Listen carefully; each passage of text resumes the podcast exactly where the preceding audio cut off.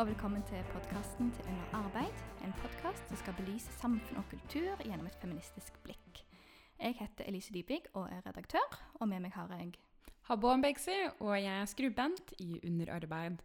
Under arbeid er et feministisk nettmagasin for ungdom, og vi kommer til å, i tillegg til å legge ut på hjemmesiden underarbeid.org en link om hva som blir diskutert og snakket om i denne episoden, pluss litt tips og videre lesning. Så denne episoden skal altså handle om temaet kropp. Og vi er fremdeles på begynnelsen av året, og fremdeles så vil aviser og kommersielle aktører at vi skal bli nye, bedre utgaver av oss sjøl. Noe som i de fleste tilfeller betyr å jobbe med sin egen kropp. I denne episoden skal vi snakke med kroppspositivist eh, Karina Elisabeth Carlsen og høre fra organisasjonen Press om deres Gull-Barbie-pris, og komme med noen bokanbefalinger. Um, og grunnen til at kroppspress er så utrolig interessant, er at det kommer fra så mange ulike typer steder. Uh, man kan oppleve kroppspress fra venner som snakker om hvor fælt de har lyst til å gå ned i vekt, eller at de syns de har gått opp litt i vekt over jula, f.eks. Uh, det kan være forsider av ulike aviser og magasiner som forteller deg nå kan, slik går du ned fem kilo. Uh, eller så kan det være kjendiser, eh, andre stjerner eller popartister eller folk du ser opp til, eh, som ser ut en bestemt måte. Spesielt det med hvordan du tar et oppgjør med kroppspress, syns jeg bare blir vanskeligere og vanskeligere. Eh, for én ting er når du går forbi en Hennes-reklame på Buskur og ser en veldig retusjert, slank modell og tenker 'hvorfor er ikke jeg sånn?' Eh, men du vet allikevel at dette er retusjert, dette skal få deg til å føle deg dårlig, um, så du kan egentlig bare distansere deg litt fra det. Forskjellen er, uh, merker jeg, når på en måte du opererer på samme arenaer som de som lager kroppspress, altså sosiale medier. Uh, sånn at plutselig så ser du bilder av venner, du tar bilder av deg sjøl, og plutselig så dukker kommersielt innhold opp. Um, og det, det blir mye nærmere. Før så var en gjerne mottaker av kroppspress. Um, altså TV-reklamer, ja, blader osv. Mens nå kan en òg være avsenderen av det. At jeg kan dra på ferie til Spania og så ta 100 bilder, og så legger jeg ut der jeg ser finest ut. Og det er et bilde da som ikke representerer virkeligheten. Uh, og så sender jeg det på en måte videre til mine venner. Eller, og de, ja, sånn at det blir en sånn skummel bølge, da, der det er vanskelig å vite hvordan, hvordan jeg kan gjøre noe, samtidig som jeg er skeptisk til Jeg har på en måte lyst til å si at bare, bare ikke vær på Instagram da, hvis du så ille når du er på Instagram. Men da forsvinner ikke problemet. Nei, det gjør ikke det i det hele tatt. Og folk kommer til å fortsette å legge ut bilder. Du har lyst til å selvfølgelig legge ut fine bilder av deg selv eh, som drar på ferie. Men um, jeg tror eh, utfordringen kan være eh, kanskje terskelen for hvilket bilde man kan legge ut. At det er eh, Nå så har det faktisk eh, blitt mye bedre. Det er jo mye større aksept for å legge ut bilder der du ikke ser ut på ditt beste. Grunnen til at idealkroppen er så ettertrakta, er ikke nødvendigvis fordi at det er liksom definisjonen på hva som er pent og vakkert. Til en viss grad er det selvfølgelig det. Men det er en slags kollektiv forståelse av at når du får idealkroppen, så vil du få så mye annet i tillegg. Det er så mange privilegier assosiert med idealkroppen, fordi at da er du vellykka, da er du en disiplinert person som liksom greier å kontrollere deg. Og greier du å presse deg inn i disse rammene, så vil du på en måte Alt annet i livet falle på plass. Eh, det er noe veldig usunt da, eh, ved hvordan man ser på vekt. Og det, det er nesten sånn om det du veier, er en slags valuta for hvor attraktiv eller hvor bra du er. Det er faktisk eh, Du er bare bra nok hvis du er den idealvekta, og det er veldig urovekkende. Men det tror jeg blir interessant når en da får snakke med Karina og høre om andre typer strategier en kan ta som person offentlige, i offentlige kanaler for å um, hva skal vi si, ta et oppgjør med kroppspress. Så 2018, nå skal vi bli eh, mye mer eh, flinke til å ta bedre vare på oss selv. Og det involverer å finne ut av hvordan vi skal kjempe mot kroppspress.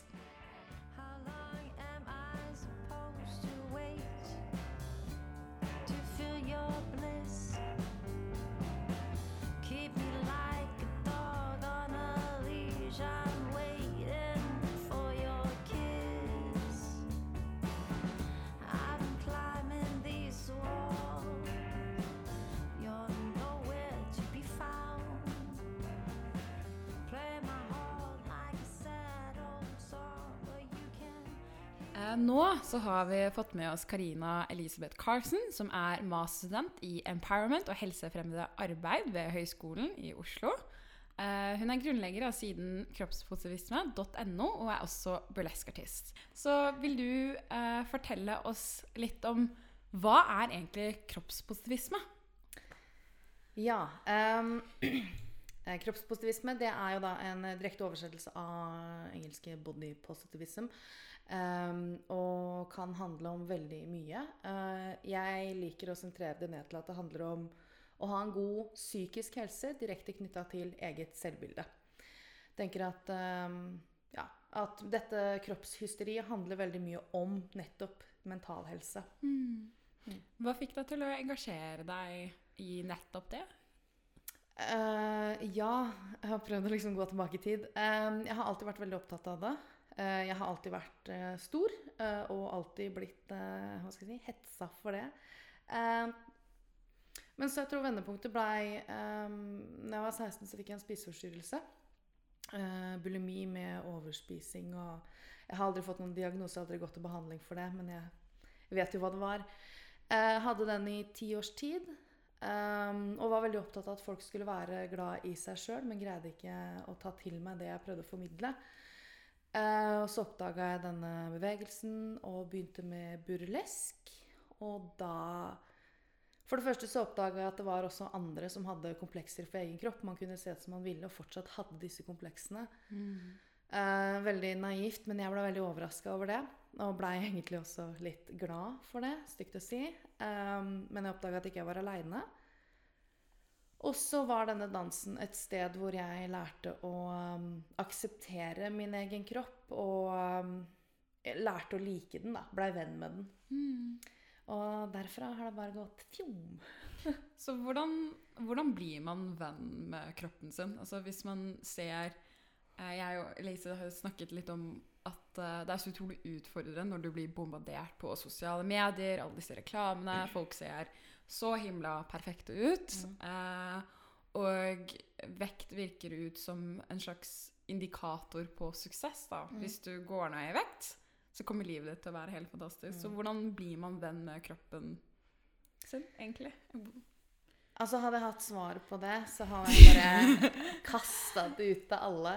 Men jeg tror uh, bevisstgjøring er veldig viktig.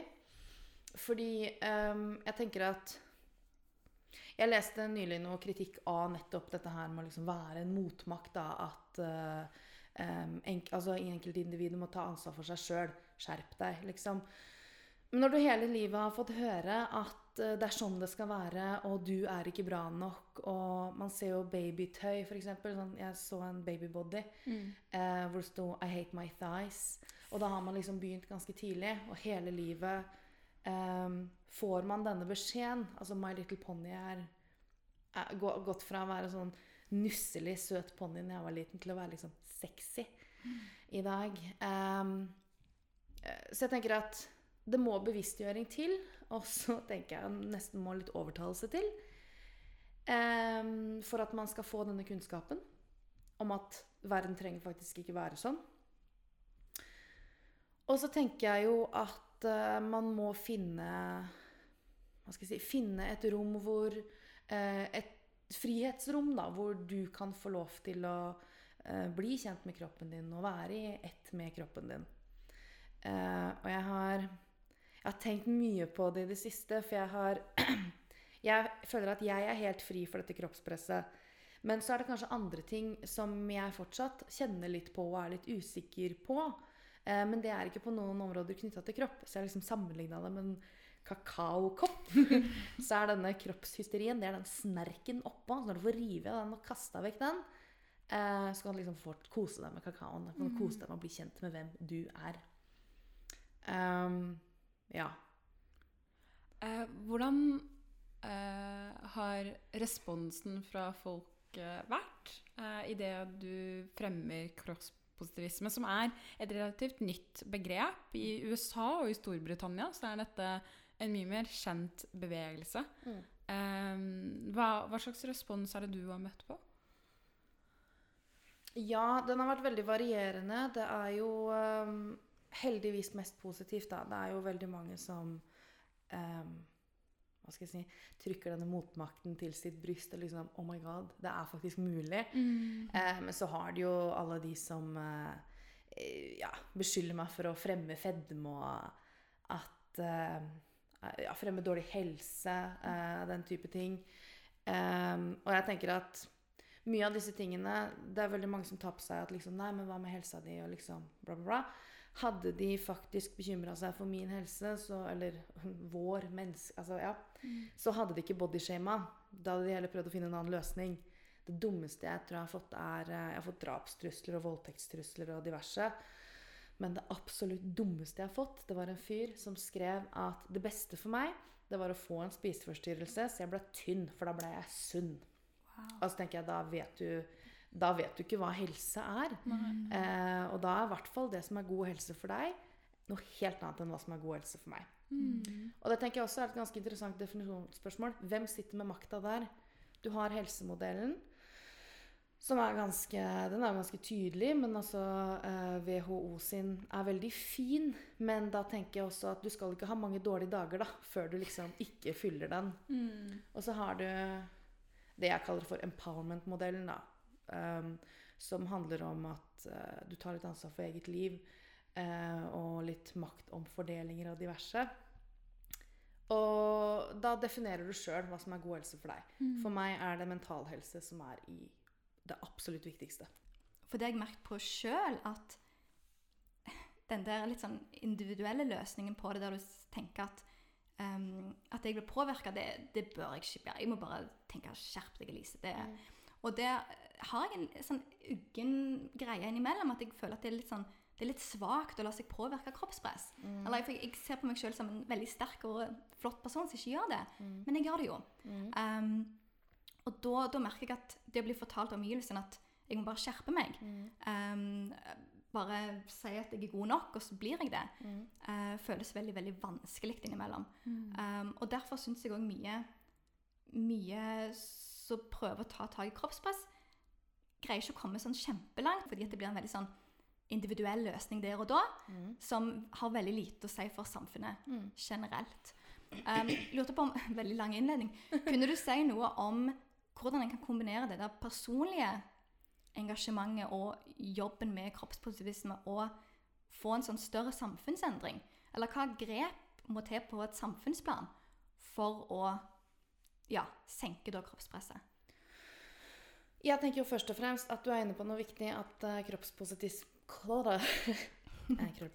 langt ord. Kroppspositivisme er eh, Det er jo veldig egoistisk. Eh, men jeg tror også det er et viktig sted å begynne, fordi at man, eh, man må liksom eh, tro på det man formidler. og dette her med at det derre skjerp deg, og du er bra nok som du er, og sånn eh, Ja. Jeg òg sier jo det, liksom, at man, man er jo bra nok som man er.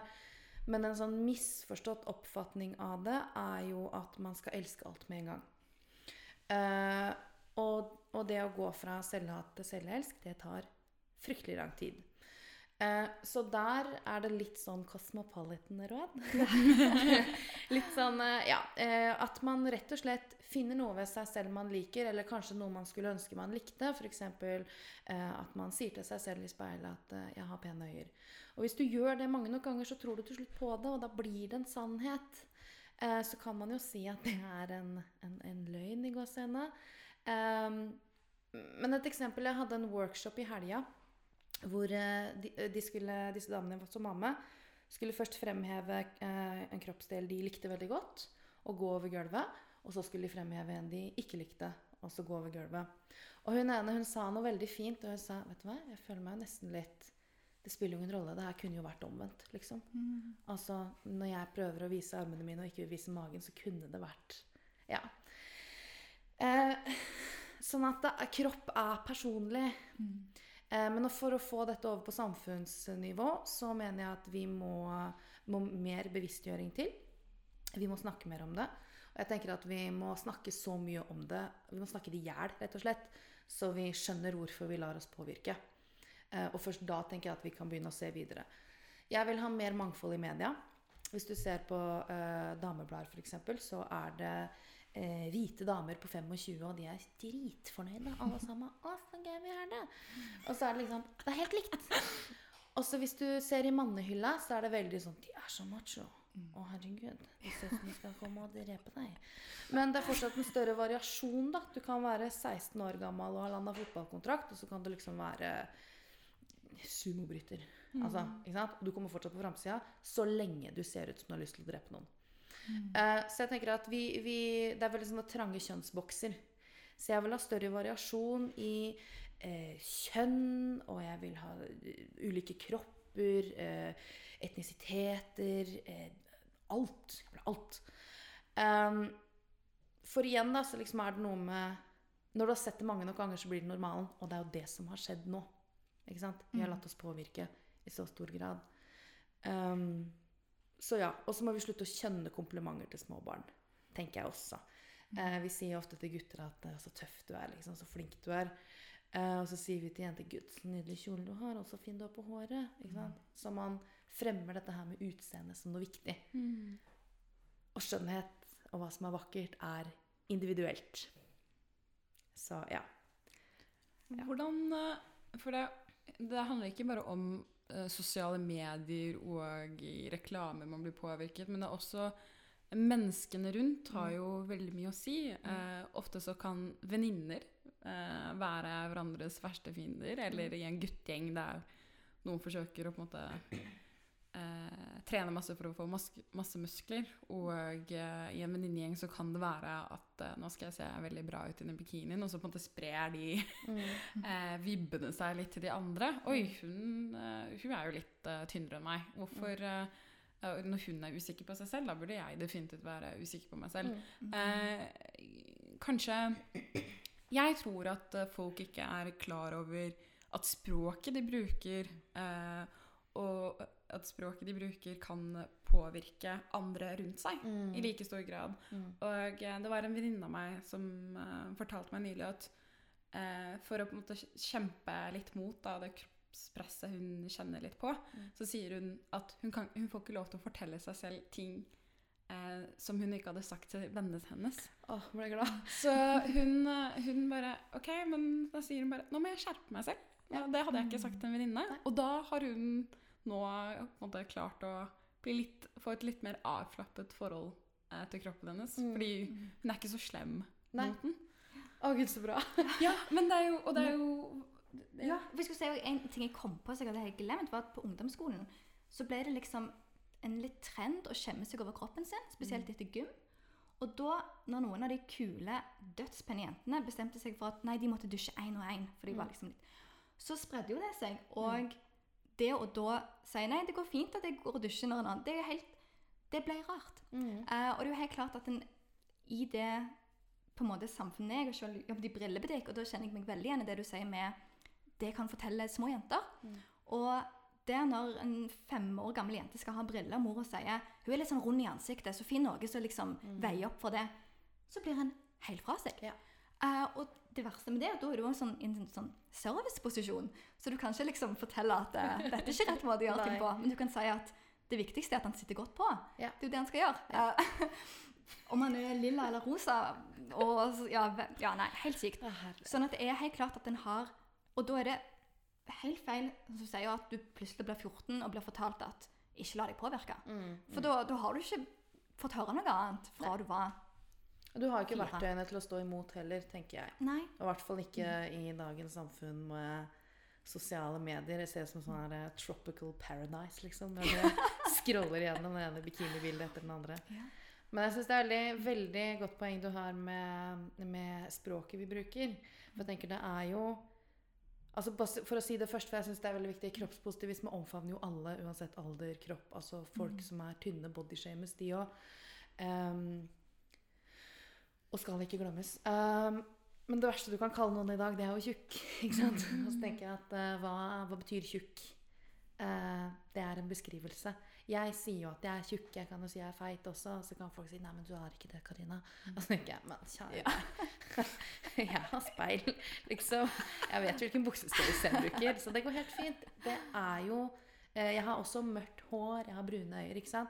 Um, og det sier Altså, det å være tjukk em, sier jo ingenting annet enn at jeg er det. Det sier ingenting om hvor fort jeg løper, uh, hva slags musikk jeg liker, hva slags mat jeg sant? Du kan ikke snakke om noens helse ved å se på dem. Og så er det noe med at tjukk har blitt liksom et ord vi forbinder med å være stygg, dum, viten, mindre vellykka, ikke sant? Også hvis du er tynn, så er du, har du en litt høyere sosial status allerede. Mm. For da er du litt mer vellykka i hvert fall, og litt penere, og du er litt smartere enn hun tjukke i hjørnet, liksom. Så ja, jeg elsker det tipset til den venninnen din. Skal jeg ta med meg. Jeg så en veldig sånn fin video på VG der du går ut mot begrepet plus size. Eh, kunne du fortalt litt om For det er jo gjerne noe Å ja, vi har en plus size-kolleksjon, eller eh, se disse flotte plus size-modellene osv. At det, det er en sånn greie en kjører opp i media innimellom. Um, men du er ikke helt glad for det begrepet, eller ja? Altså, jeg, jeg syns det er unødvendig fordi at um, plus size er egentlig ganske lite. Uh, igjen, altså, en gjennomsnittlig norsk kvinnekropp er størrelse 42-44. Og det er der pluss-sizen begynner. Sånn at uh, moteindustrien lurer oss til å tro at um, uh, gjennomsnittskvinnen er typ 36-38. Uh, og det er liksom Det er nok et ytterpunkt, da. Eh, så veldig mange går jo og sliter med um, ja, med selvtilliten, fordi at de må leite da i tjukkasavdelingen, som jeg kaller det. da. Og så er det jo også noe med at de klærne du får der, de har jo eh, stygge jordfarger og dårlig passform. Um, og så er det også noe med at plus size Altså for å være en akseptert plus size-modell, um, så er det fortsatt ganske strenge krav. Du skal f.eks. du skal ha et ansikt uten særlig dobbelthake. Uh, og du skal også være tjukkas med innsving, da, som jeg kaller det. Du skal ha timeglasset. Og da um, Det er den aksepterte tjukkasen, liksom.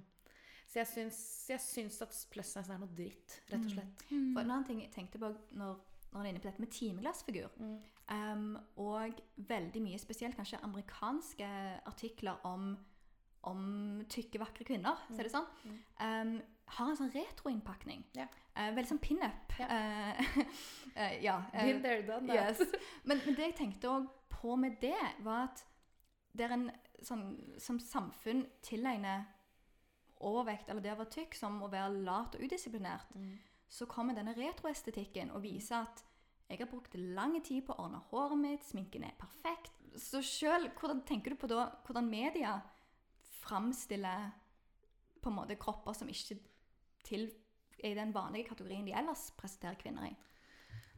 Jeg syns at de prøver å dytte kvinnekroppen inn i en sånn sexy innpakning. Og det gjelder jo da eh, spesielt med dette pinup-greiene. Altså jeg driver jo og har drevet med pinup. Jeg syns det er kjempegøy. Men jeg orker ikke gå kledd sånn til vanlig. uh, og så er det jo også noe med at eh, Ja, det tar mye tid, da. Du skal være så innmari pen. Hvem er det du da pleaser? Liksom? Det, det er jo forventninger, da. Uh, det er lov å være tjukk hvis du er pen, f.eks. Um, og så syns jeg jo media generelt eh, fremstiller eh, ja, Jeg, jeg syns at det blir litt sånn freakshow-mentalitet. da De skal finne noe spesielt. Eh, for min egen del så er det jo ofte burlesken som blir trukket fram. Og jeg er veldig stolt av burlesken eh, og hva det har gjort. Men eh, jeg har mer å by på enn eh, å være naken, liksom. Um, og det, jeg syns jo det er problematisk når sånn som VG da blåser opp over en hel side av meg nesten helt naken. Og så skal det liksom være en seriøs artikkel under der. For det er ikke det folk ser. Og så blir det sånn Tjukke damer må alltid være så ekstra, ikke sant? Eh, så jeg syns det blir veldig feil. Eh, så er det også noe med at når vi hele tiden skal um, jobbe for å være pene og jeg mener jo at det er jo please male gaze. Uh, så um, Feministhumor. yes. så, så eier vi ikke kroppen vår lenger. Da, da er vi plutselig til for å være sexy, da. Og det er, vi- vi er jo ikke satt til jorden for å glede noen andre enn oss sjæl. Det jeg lurer på, er uh, med tanke på uh, at du holder på med burlesk, og at du har brukt kroppen som et, bruker kroppen som et verktøy da, for å fremme Du kan elske deg selv, og ved å gjøre dette her, så bli med på eh, bli med på dans, så kommer du til å ha det bedre med deg selv. Mm. Um, eh, kanskje Min tanke er at noen ganger så kan det bli litt for mye kropp. Mm.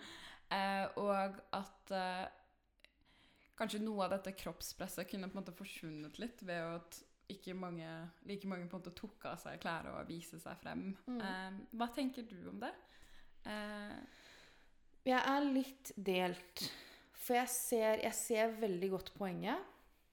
Men så er jeg litt der òg OK eh, Vi kommer ikke til å bli kvitt at folk kler av seg.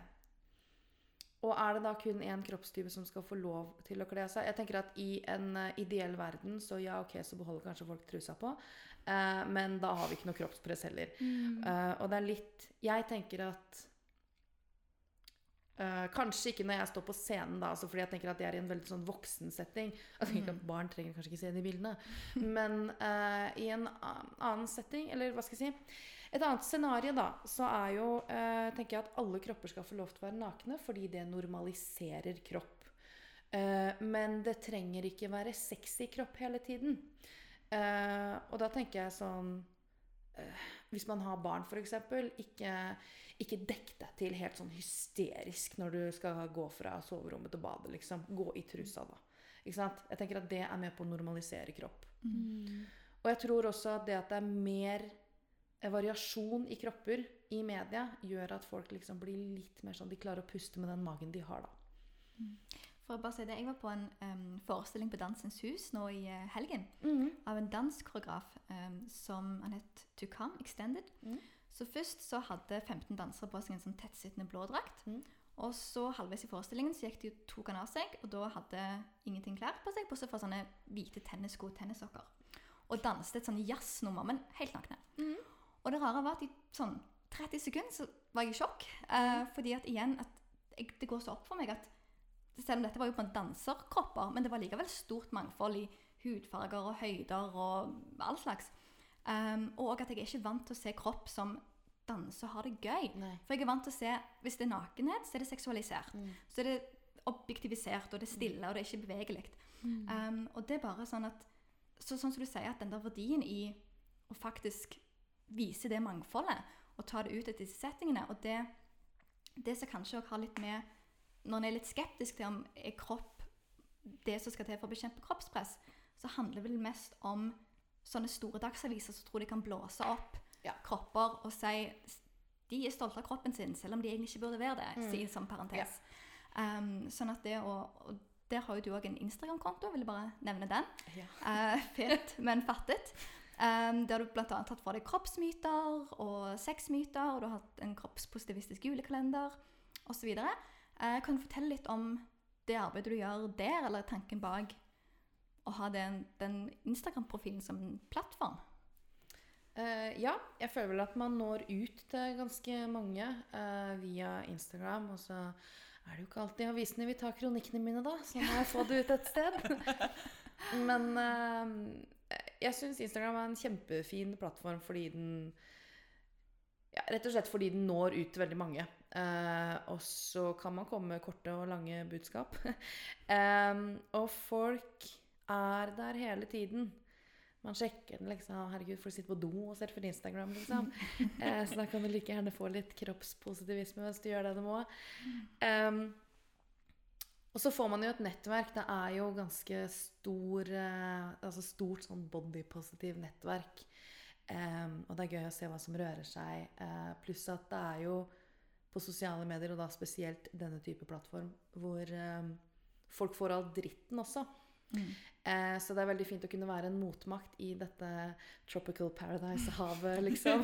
Av eh, ja, flotte, retusjerte bikinikropper, så kan jeg legge ut en pekefinger og si nå må du, nå må du tenke her. Så ja.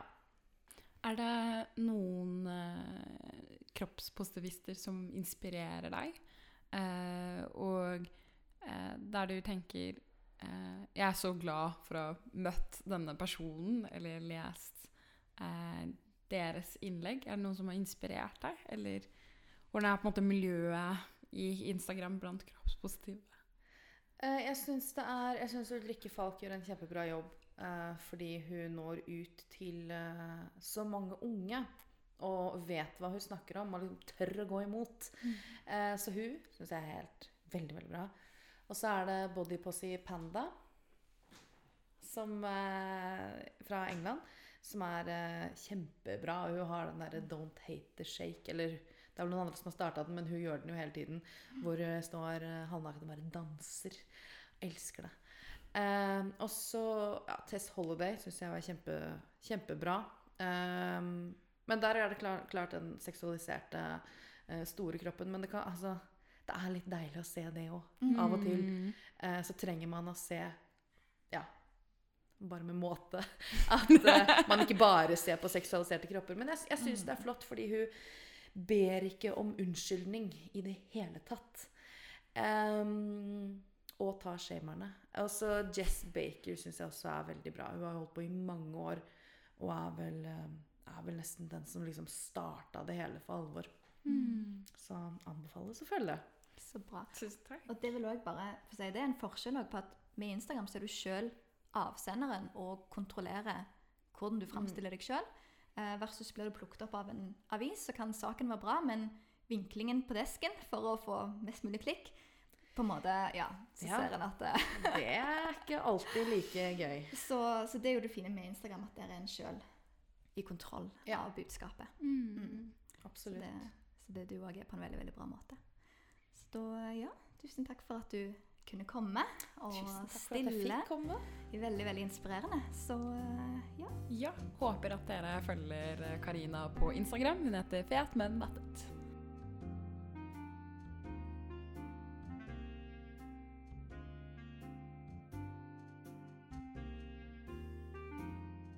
Det er eh, to bøker eh, som jeg har på. Jeg har sittet og lest eh, i forbindelse med denne episoden her. Den ene eh, boken er Ingeborg Jesenseth eh, sin bok 'Anoretisk'. Eh, og den andre boken er 'Hunger' av Roxanne Gay. Grunnen til at jeg anbefaler dere å lese disse to bøkene, er at eh, de gir et innblikk i hvordan det er å være anoretiker i Norge, og hvordan da Ingeborg Senseth, som jobber i dag som eh, journalist for Aftenposten, opplevde å være innlagt eh, i tre år for å bli frisk.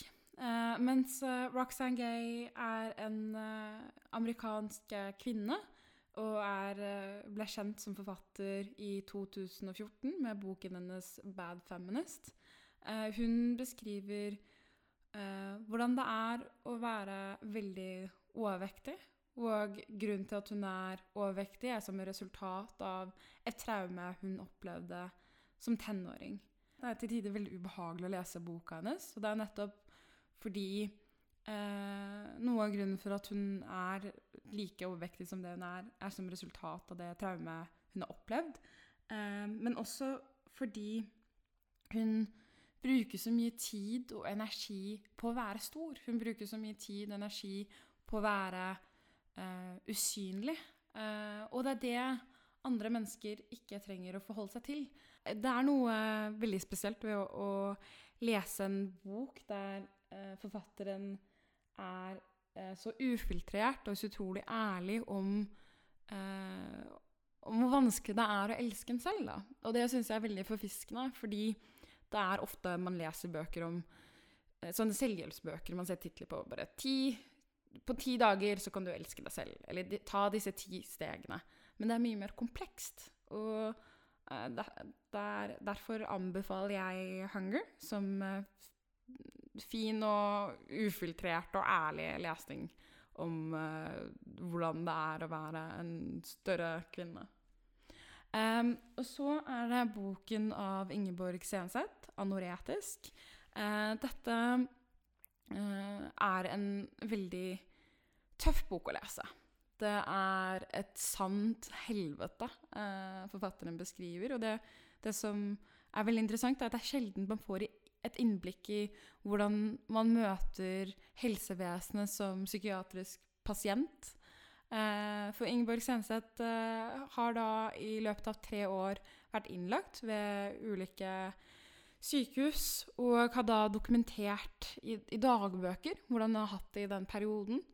Eh, hun deler veldig åpent og ærlig om hennes nedturer, oppturer, hvordan det påvirker menneskene rundt henne, og til grader hvordan da helsevesenet har eh, sviktet henne. Men også om de veldig fine og hyggelige sykepleierne som har heiet på henne og har eh, hjulpet henne til bedringens vei. Da.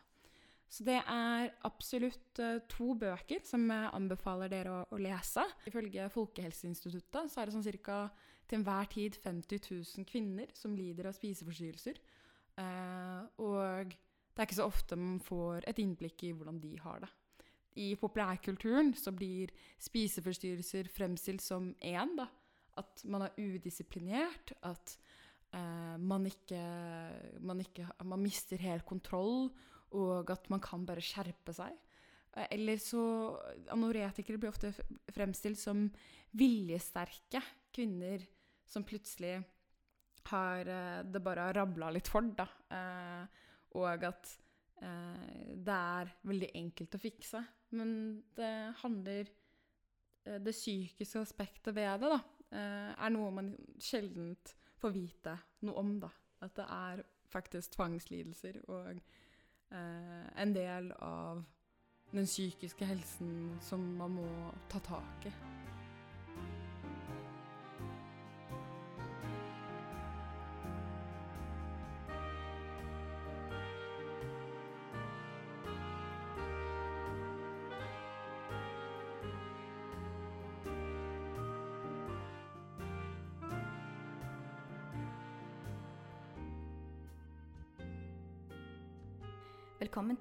Øystein Kolstad Kvale, som er leder i Press, som er Redd Barnas ungdomsorganisasjon.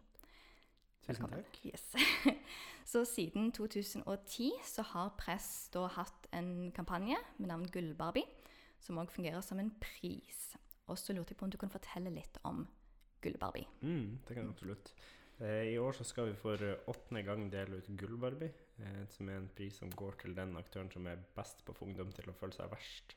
Vi ser at det er et stort problem i, i samfunnet i dag at unge møter et veldig stort press eh, på veldig mange områder. Men det presset vi først begynte å jobbe med, er det presset man har på kropp, det kroppspresset som unge møter.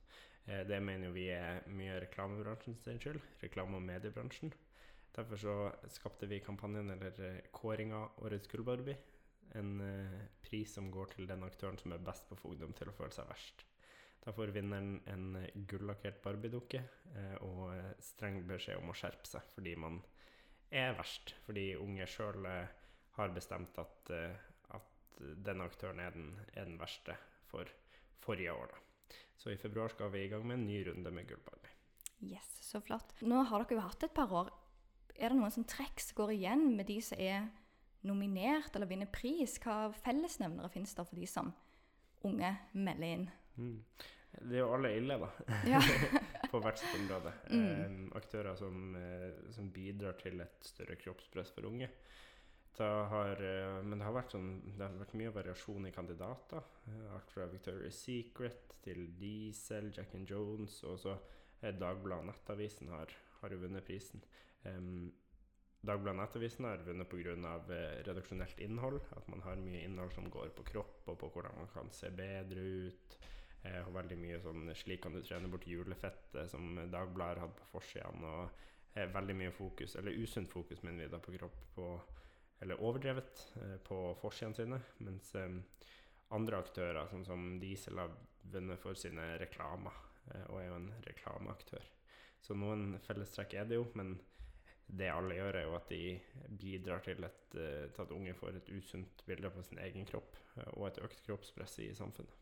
Og hva har vært fascinerende også å følge med på hva aktører som blir nominert eller vinner prisen sjøl sier. da. Mm. Um, hva, hva type respons har dere fått på folk som har blitt nominert, Mm. eller Ja. Det har vært veldig variert. Mm. Um, en del aktører har vi ikke fått noen respons fra. det skjer ganske ofte at vi ikke får noen respons. Eh, vi har også blitt møtt i debatt. Dagbladet møtte oss i debatt, um, men eh, var ja, forsvarte seg, var mye selvforsvar. Um, mm. Så har vi også hatt eh, da vi hadde prisutdelinga i fjor, da Nettavisen vant, var også Big Book nominert. Og da møtte jeg faktisk Big Book opp eh, på prisutdelinga og forsvarte seg, da. Um, og da syns vi at de, de kunne vært det var de, Sa de at de var åpne og, og villige til å lytte, men vi har jo ikke sett noen forbedring siden da. Eh, så vi, eh, vi syns jo absolutt at de kunne ta det mer til seg enn det de har gjort. Men eh, de fleste, eller aktørene, er villige til å lytte og villige til å møte oss, eh, og det er fint. Nettavisen møtte oss også i debatt i fjor, eh, som jo er veldig fint at man vil ta den diskusjonen, i alle fall. Absolutt. Nå har han jo denne Vixen Awards annet òg. At en får disse litt sånne hva skal jeg si, litt grumsete overgangene mellom hva som er privat og hva som er reklame, um, som gjør at det blir vanskelig å distansere seg fra noe som du blar gjennom på Instagram, og dette er en person du ellers ser opp til og tenker på. Um, så jeg lurer på om en sånn at medievirkeligheten endrer seg litt. Er det noe dere òg har lagt merke til, eller snakket eller tenkt på i, i press? Mm, ja, absolutt. Det er jo noe, noe vi ser. Um, og vi ser jo også at bloggere i større grad også er kommersielle aktører. Eh, vi ser at bloggere har, altså vi har bloggere som har egne ansatte i firma som jobber med bloggen, og som har eh, omsetning på flere millioner. Og det er jo snakk om er det her privatpersoner, eller er det en virksomhet? Um, som er et litt sånn vanskelig skille. Mm. Eh, men det som er viktig for oss, er jo å eh, angripe de vi mener har skylda. Og det er eh, reklamebransjen og reklame- og mediebransjen som tjener penger på dette i stor Mm. grad. Eh, og derfor så har vi inntil nå i alle fall ikke hatt eh, nominerte som har vært privatpersoner. Rett og slett fordi vi mener at man heller eller disse privatpersonene da eh, lever under dette samme presset som unge møter. Eh, de lever under en forventning om at de skal produsere et innhold og også promotere produkter på en måte som reklamebransjen ønsker at de skal gjøre. Og derfor så har vi eh, gått etter de aktørene som er bak, altså de aktørene som får bloggere til å fremme produktene som vi mener er usunne, og fremme de på en usunn måte. Det ser en jo at aktører virkelig prøver å nå ut via Snapchat og Instagram. Så det er de samme, samme folka, men en finner de kanalene der gjerne ungdom er mye på sjøl, eh, og når på en måte der det er ikke helt lett, med mindre en er veldig bevisst, å finne ut av hva, hva ligger bak her. Men jeg syns noe av det interessante med problematikken kroppspress også, fordi det er en i en del undersøkelser som er gjort, bl.a. som NOVA har gjort, så eh, ser unge i liten grad sjøl løsningene. Eh, på skole så ser man liksom at det ligger på mye testing, det ligger på fraværsgrense blir liksom nevnt, og eh, det ligger på sånne, sånne type ting. Men når det kommer til kroppspress, så klarer ikke ungdom sjøl å peke på løsningene. Jeg tror det er fordi det er så underbevisst du møter hver dag på Instagram, blant alle bildene du får fra venner, på busstoppet. Eh, ja, du møter overalt i samfunnet, så blir du ikke fortalt direkte at dette er den riktige måten å se på, men, eller se ut på, men du får det i underbevissten hele tida. Du får presentert et budskap om at hvis jeg bare bruker dette produktet, så kommer jeg til å bli litt mer som disse menneskene. Eh, og derfor så skaper det seg et ideal. Og når vi reiser rundt, vi reiser rundt og holder mye foredrag for eh, både klasser og konfirmasjonsgrupper og sånn, da spør vi alltid hva som er Hva ser dere på som den perfekte kroppen for mann og for kvinne? Mm. Og det er veldig Det er veldig tydelig. Um, unge har en veldig klar formening om hva som er den riktige kroppen, uh, og har liksom kan tegne det veldig nøyaktig, og alle sier det samme. Uh, som jo er litt merkelig om at man liker vidt forskjellige ting på, på andre områder. Hvis eh, Mm. kanskje jeg liker å reise til storby, og du liker å dra på sydenferie. Jeg liker indisk mat, og du liker asiatisk mat. Em, og likevel så ja, eh, så får man eh, Så har man et så klart bilde. Alle har et så likt bilde av hva som er hva som er den riktige kroppen. Mm. Og det tror jeg er fordi det er underbevisst. Det er ikke noen som forteller deg det direkte, men det blir, du får det banka inn hver dag gjennom både sosiale medier og i det offentlige rom. Eller hvordan kan en jobbe for å snu fokuset generelt fra den der Oi, hvis jeg bare trener litt mer, versus hvis disse bare skjerper seg litt. Ja, men eh, for å drive litt selvreklame, så kan man jo melde seg inn i en organisasjon som, som kjemper mot kroppspress. Og, og eh, ja.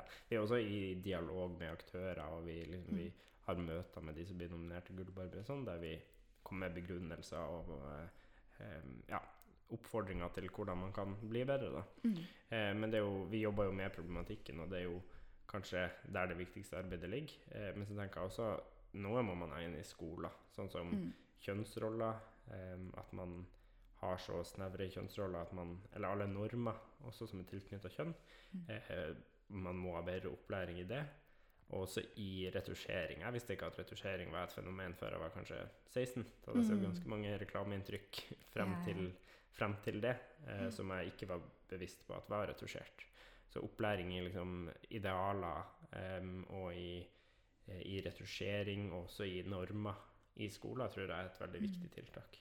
Eh, men sånn mer på det personlige nivået, så er det jo å løfte problematikken. og bli med i en organisasjon, stemme Mm. på Gullbarbie.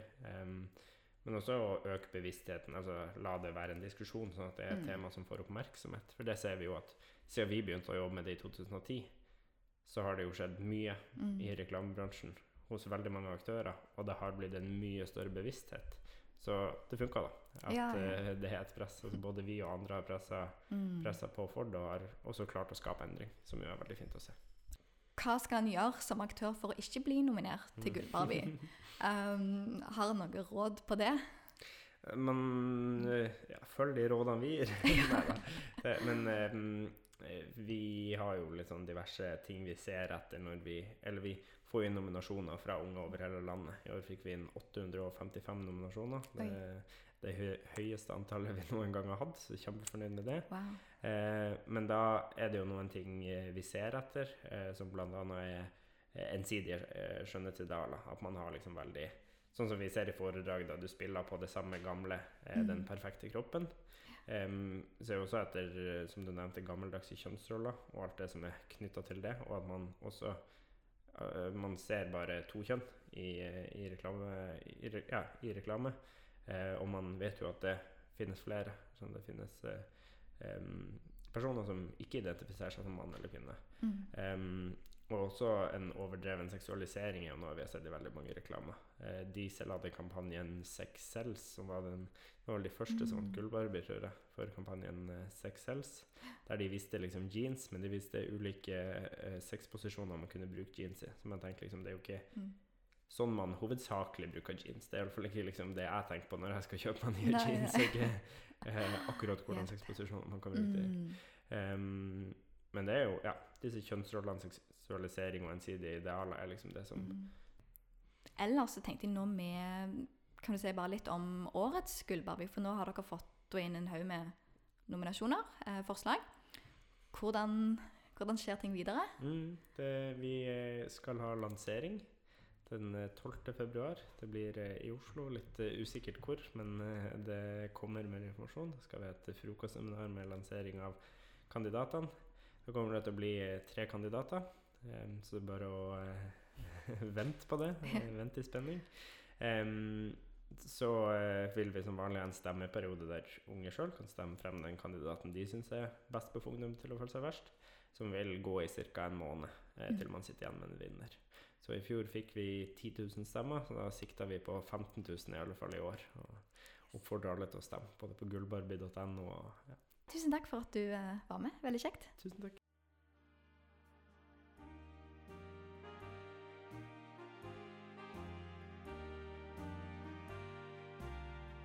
Ja, så da benytt anledningen til å si tusen takk til Hanne Vasshus, som er akkurat ute med albumet A House. Så det er det første sporet på hennes plate, som du kan finne på Spotify. Det heter A House, som vi bruker nå i intro og til avslutning. Om du ønsker å finne litt mer informasjon om eh, bøkene jeg har snakket om, eh, om tematikken, så legger vi det ut på underarbeid.org. Eh, der finner du oss. Vi er tilgjengelig på Instagram og Facebook. Så ja, vi håper at det har vært en fin episode å lytte til. Eh, vi kommer til å eh, ha flere episoder i løpet av våren, så det er bare å følge med videre.